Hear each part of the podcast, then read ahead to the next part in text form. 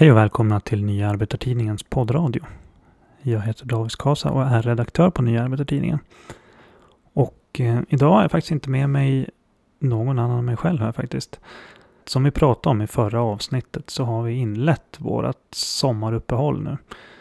Men eh, eftersom ja, vi meddelade om det för över två veckor sedan och sen har det varit tyst så vill jag be om ursäkt till våra lyssnare som har gått omkring och väntat och undrat. Och eh, som ett plåster på såren så kommer vi ju återpublicera ett tidigare avsnitt som vi spelade in som handlar om mordet på Olof Palme.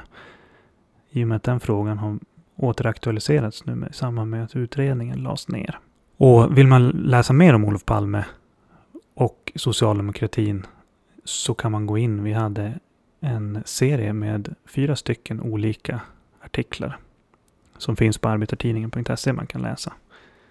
I övrigt så vill jag bara säga att eh, nu inleder vi som sagt vårt uppehåll under sommaren och nästa avsnitt av Nya Arbetartidningens poddradio det kommer i mitten av augusti. Så tills dess så får ni hålla till godo med äldre avsnitt som ni inte har hunnit lyssna på. Och eh, med det så lämnar jag helt enkelt över till vårt tidigare avsnitt om mordet på Olof Palme. Vi ska prata om mordet på Olof Palme. Och eh, personligen så var jag för ung för att komma ihåg någonting. Jag tror att jag var ungefär åtta månader, nio månader gammal. Men eh, du minns ju Palme på ett helt annat sätt. Vad be betydde Olof Palme för dig? Ja, han betydde väldigt mycket.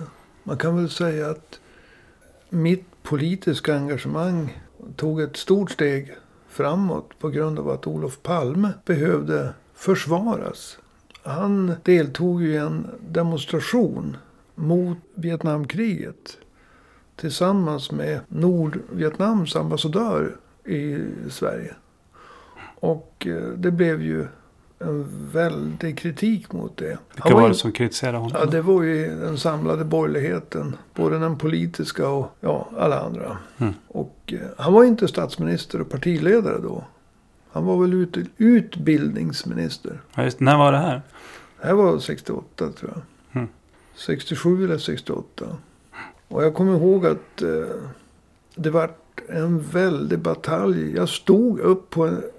Det var i nian. Jag stod upp på en stol i klassrummet. Och, och skrek att eh, lärarinnan skulle ge fan i att kritisera Olof Palme. För att han var emot kriget i Vietnam. Det var fullständigt kaos alltså. Ja. ja. Det, det, var väl kanske inte rätt position på stolen. Men det var väl, alltså, han väckte väldiga känslor, Olof Palme. Mm. Positiva hos en del. Som en 15-årig mig. Och negativa hos våran eh, moderata, eller ja, om de hette högern på den tiden vet jag inte. Mm. Jag trodde jag skulle få sänkt betyg. Men, men det... Lärarinnan var moderat alltså? Ja, ja nej, men det fick jag inte. Fast jag stod på stolen och skrek. jag, fick, jag, fick, jag fick bra betyg i, i samhällskunskap. Ja. ja, det kanske var pluspoäng att du gick upp på stolen. Jag var ju engagerad i alla fall. Ja, precis. Vad heter nu... Om vi spolar fram några år.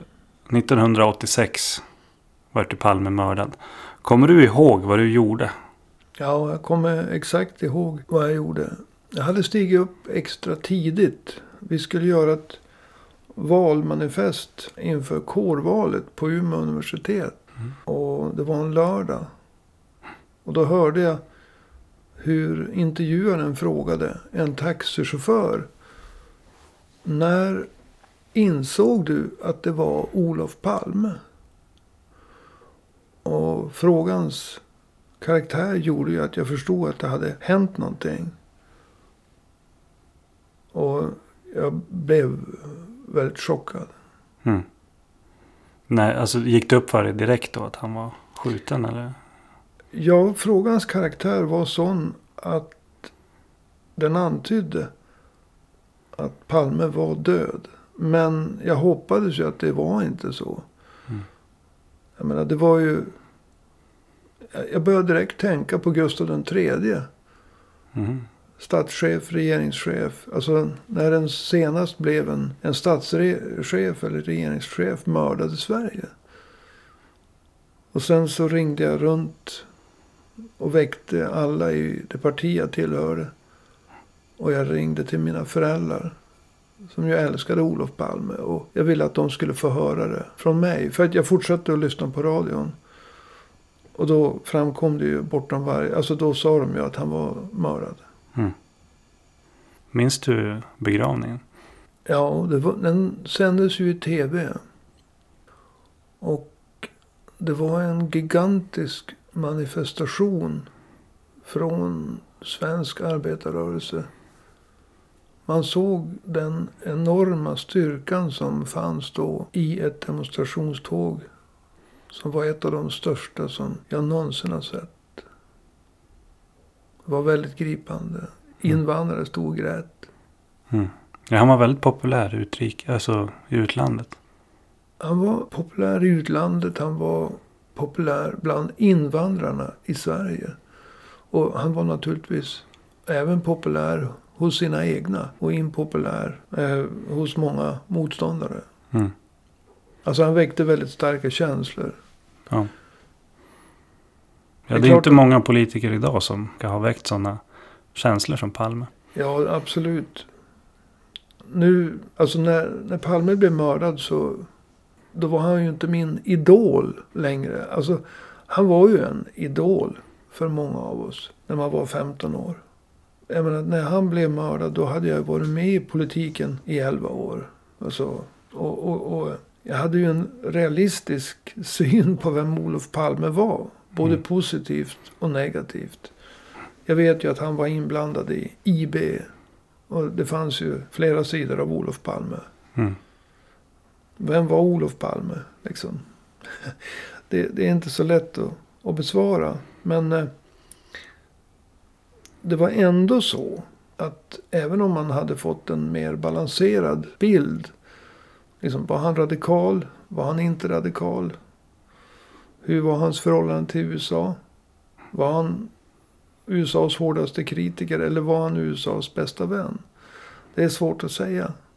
Men det var ändå så att när Olof Palme talade.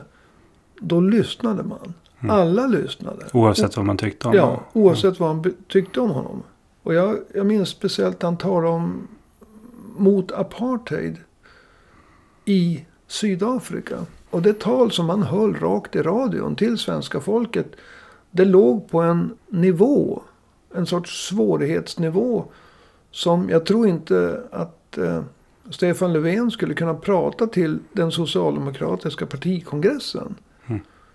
Alltså Olof Palme vände sig till svenska folket och krävde att ni vet att apartheid är viktigt. Ni vet att vi måste få bort det. Nu talar jag till er om svåra frågor. Men det är er plikt att vara med i vad som händer i världen. Det var Mm. ett mycket, jag, jag, jag lyssnade på talet senare det- och sände ut det. Och jag är otroligt imponerad över liksom det han förutsatte av befolkningen. Och befolkningen svarade upp. Alltså när Palme pratade, då lyssnade man. Mm. Oavsett om man gillar honom eller inte. Därför att han var en sån person. Mm. Kan du beskriva lite grann hur det politiska klimatet såg ut i Sverige om man säger åren före Palme mördades? Alltså det var... Det, det är ett politiskt klimat som jag aldrig har varit med om, vare sig före eller efter. Det var en, ett oerhört hatiskt klimat. Och det som skapade det här var bland annat ubåtsjakterna. Det påstods ju att sovjetiska ubåtar kränkte svenskt territorialvatten väldigt ofta.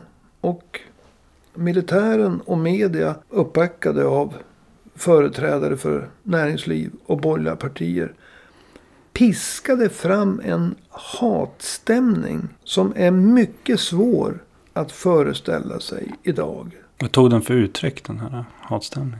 Hatstämningen den eh, tvingade ju bort exempelvis Sveriges dåvarande utrikesminister Lennart Bodström. Den här modige ministern, han dristade sig att mellan skål och vägg ifrågasätta bevisen för att Sovjet verkligen höll på med spionubåtar Mm. mot Sverige. Han, han sa bland annat att han hade svårt att tänka sig att ryska trupper skulle komma hoppa, hoppandes upp ur ubåtarna för att invadera Sverige. Va? Och det här var ju sagt mellan skål och vägg. Men det kom ju ut. Mm. Och det orsakade en närmast vanvettig kampanj mot utrikesministern. Det var alltså ett helgerån att ifrågasätta denna allmänna sanning. Alltså man piskade fram en sanning. Och det var att sovjetiska ubåtar kränkte svenskt territorialvatten stup i kvarten. Och den som ifrågasatte att det var krigsförberedelser, den var landsförrädare.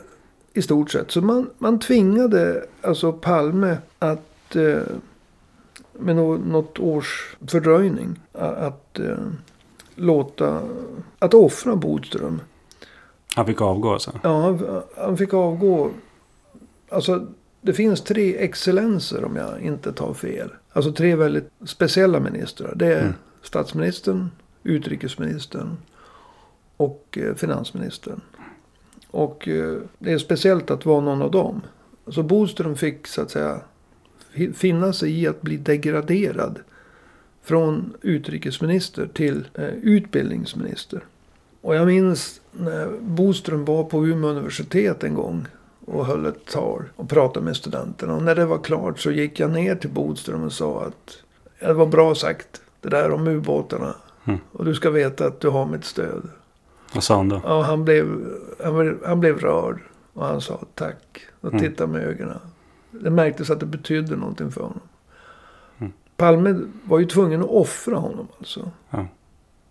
Han hade gjort sig själv... Så det var så hårt, alltså Ja, hetsen hetsen var så hård att även om Palme dröjde med det till efter valet 85. Så kände sig Palme tvingad att offra Bodström. Och det där att Palme retirerade för den här hetsen. Och offrade Bodström. Det tror jag gav de här mest extrema högerkrafterna blodad tand. Regeringen visade svaghet. Regeringen gav efter. Ja, just det. Ja, för vi börjar ju närma oss alltså, dina uppfattningar när det gäller vilka som var ansvariga för mordet. Jag menar, men den mest kände misstänkte för mordet, i alla fall för, för mig, jag tror för, för ganska många andra, det är ju Christer Pettersson. Mm. Som ju var en, alltså han var ju rätt en trasig person. Eh, Mm. som, jag har ju faktiskt träffat honom själv. Eh, jag är uppvuxen i Stockholm så ibland så såg man ju honom när man åkte tunnelbana, pendeltåg och sådär. Och en gång så, så stod jag faktiskt bredvid honom. Hur gammal På var pendeln. du? Eh, Vad kan jag ha varit? Det här var 2003 så jag var 18. Eh, jag var på väg hem då från, från skolan. Och så kliver han på. Han hade ju alltid en skinnjacka på sig. Och han såg ju riktigt sliten ut. Jag tror han dog väl 2003. Eh, eller 2004. Och då stod han, han stod ju och hängde liksom i dörrarna till, till eh, eh, pendeltåget. Och pratade liksom, han hade gjort den dagen, han liksom inlett dagen med att dricka en sjua Explorer. Och sen var det tjack och brass, tjack och brass. Så Du var inte rädd för honom? Nej, alltså man såg att det här är en, liksom en riktigt trasig kille. Sen är jag ju, alltså det kändes som att jag var dubbelt så lång som han också. Han var inte så lång. Åren som, som missbrukare hade tagit hårt på honom. Liksom. Men du tror ju inte att det är Christer Pettersson. Utan du har ju liksom en, eh, en annan uppfattning. Ja, jag vill först och främst distansera mig från alla rättshaverister, privatspanare och, och den typen av personer och personligheter. Jag- Jag tillhör inte dem utan jag har en teori om vad som kan ha utlöst mordet på Olof Palme. Just det. Du har inte alltså en, en idé om att det var den personerna? Jag har ingen idé om vilken person som höll i avtryckaren Mm. på Sveavägen. Ja, just det. Så som jag förstår det så din, din uppfattning är att det finns ett gäng personer som är moraliskt ansvariga. Ja, det är den svenska marinens officerskår. Som är moraliskt ansvariga för mordet på Olof Palme, enligt min uppfattning. Vad bygger du det på då? Ja, marinen var ju naturligtvis mest involverad i ubåtsjakterna. Mm.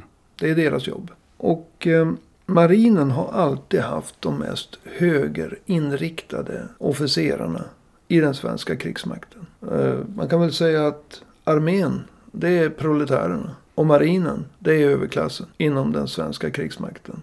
Mm. Det finns väl inte någon kung eller prins som inte har gjort värnplikten just inom marinen. Nej. Det är en tradition.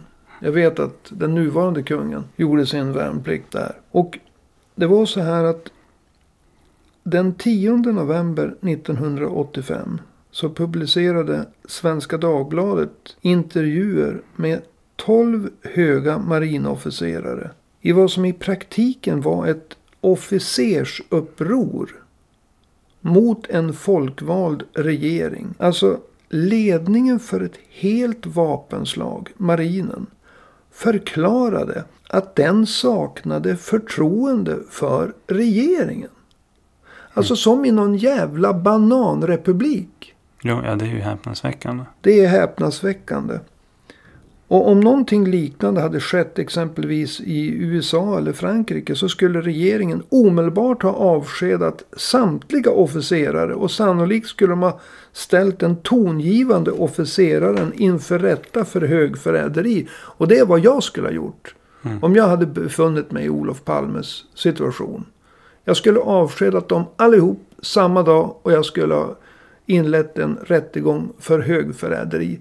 För det var alltså ett officersuppror. Mm. Och eh, man kan säga att en vecka tidigare så inleddes det här officersupproret. Det var de här tolv. De publicerade sin debattartikel den 10 november 1985.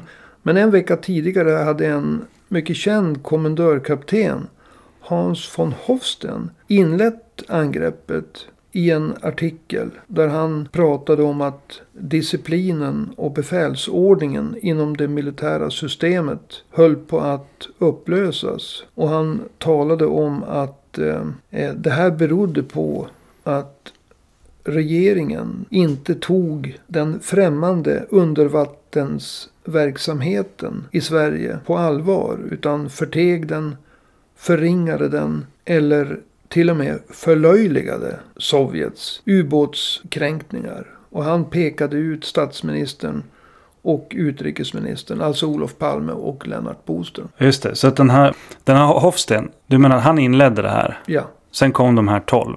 just precis. Och eh, på vilket sätt eh, tror du att de, alltså de här 13 då totalt, för du säger de är moraliskt ansvariga, på vilket sätt då? Ja, de här tolv då som skrev en vecka senare. De backade inte bara upp von Hofsten. Utan de gick längre än honom. I två avseenden. På vilket sätt då?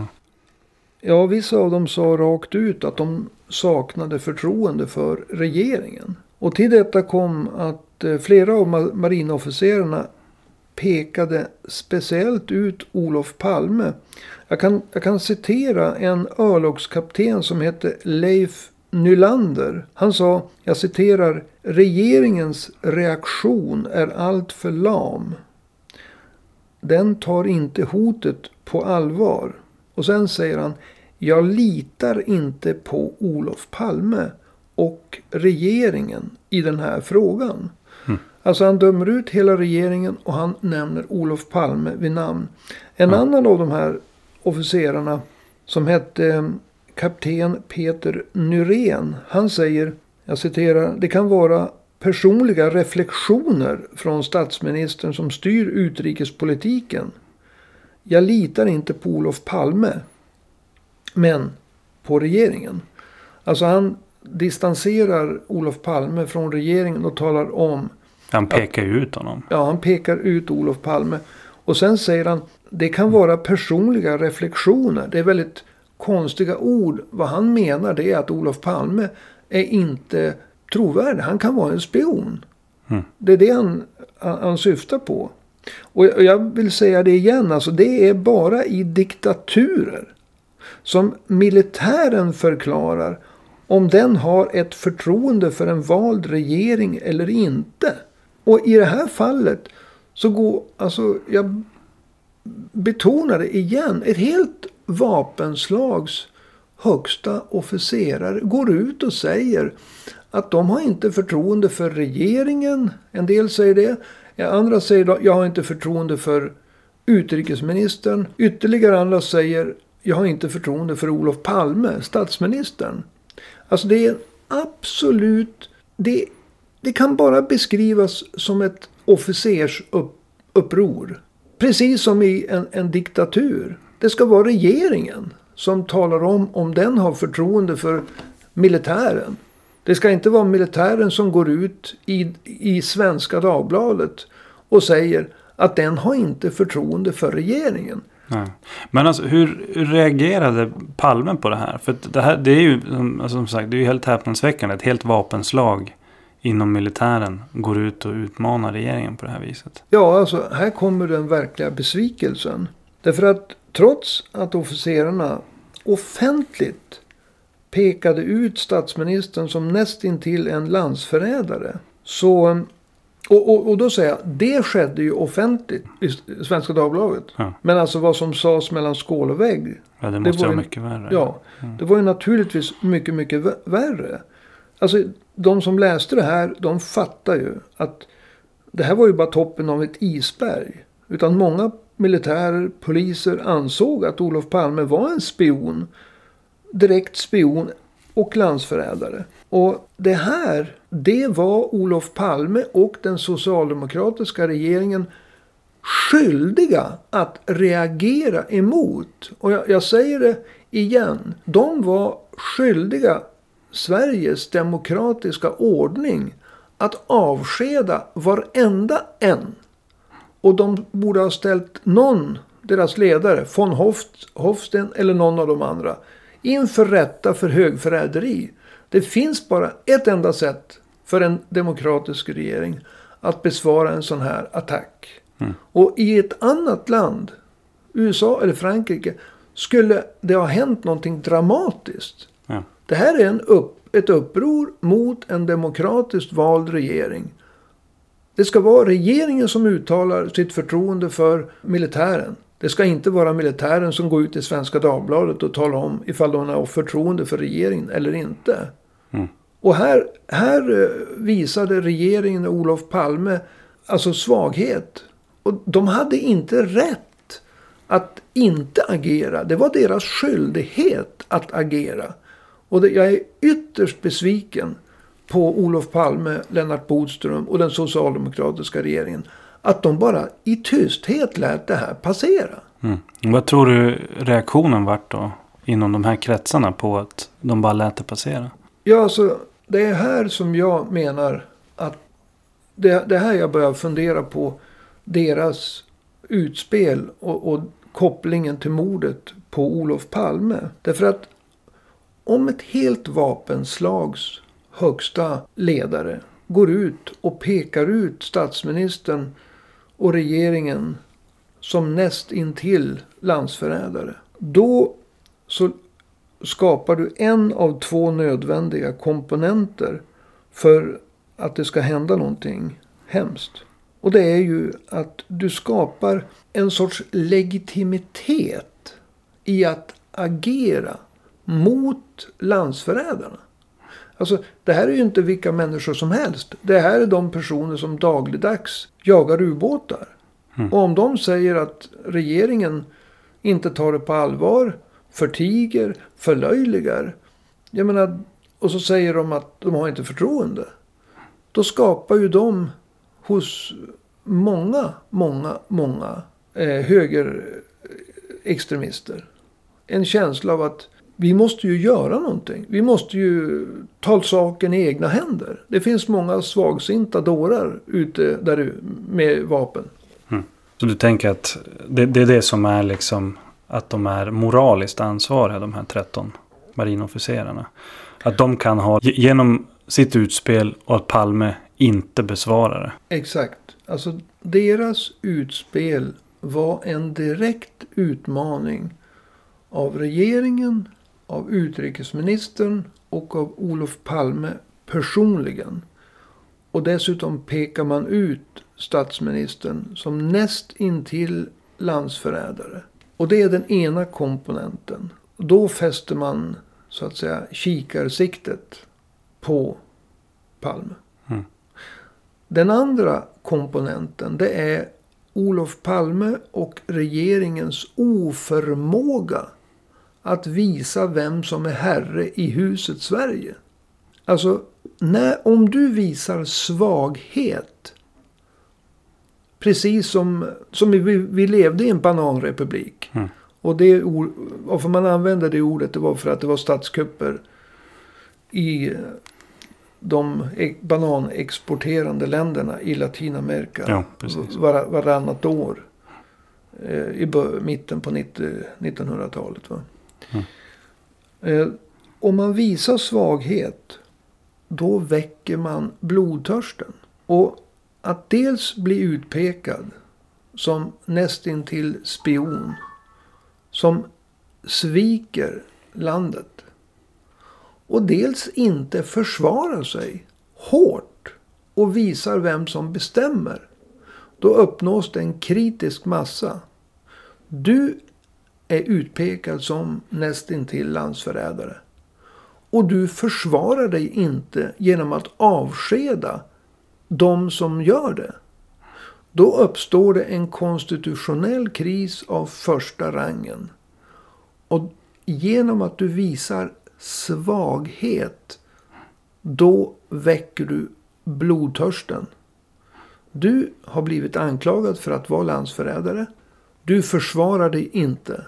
Trots att du har både rätt och skyldighet att försvara dig. För du försvarar demokratin. Men du gör det inte. Du backar ut ur fighten. Och då uppnår den kritiska massan.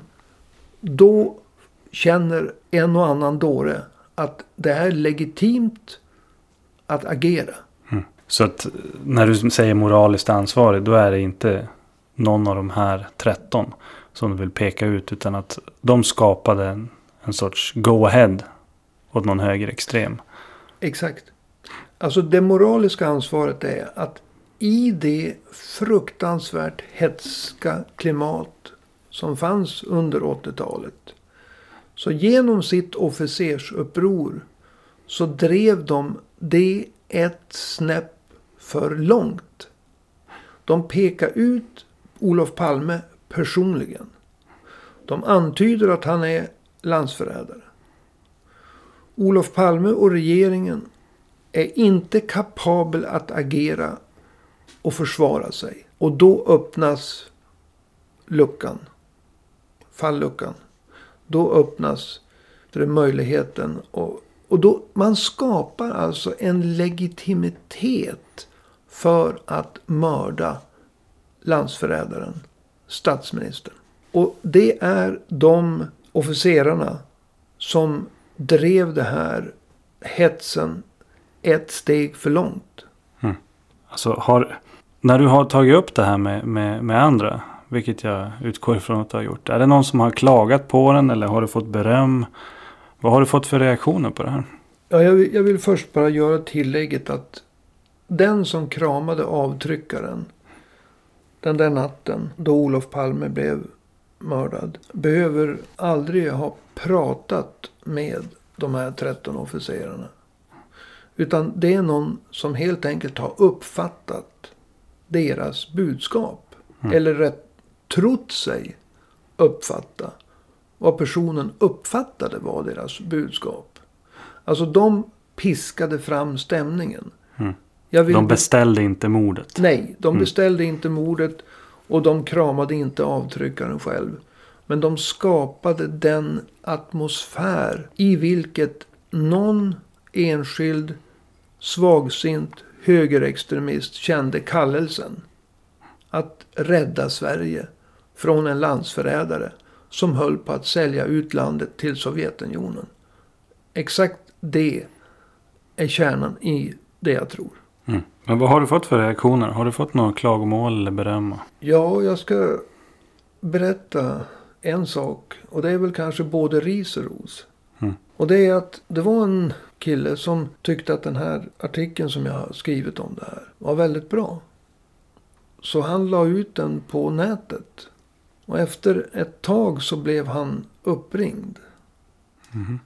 Han kontaktade mig för att berätta det här för mig. Och det var en främmande röst som sa till honom i telefonen att han hade lagt ut, sig, lagt ut den tror jag på Facebook eller någonting. Mm. Alltså, Alltså- det är ganska nyligt. Det, det här är ett antal år sedan. Ja. Men han, alltså han, det blir som han som tog ansvar för att lägga ut den. Mm. Och det han fick reda på, det var en främmande röst i telefonen som sa Hör du den här artikeln om mordet på Olof Palme?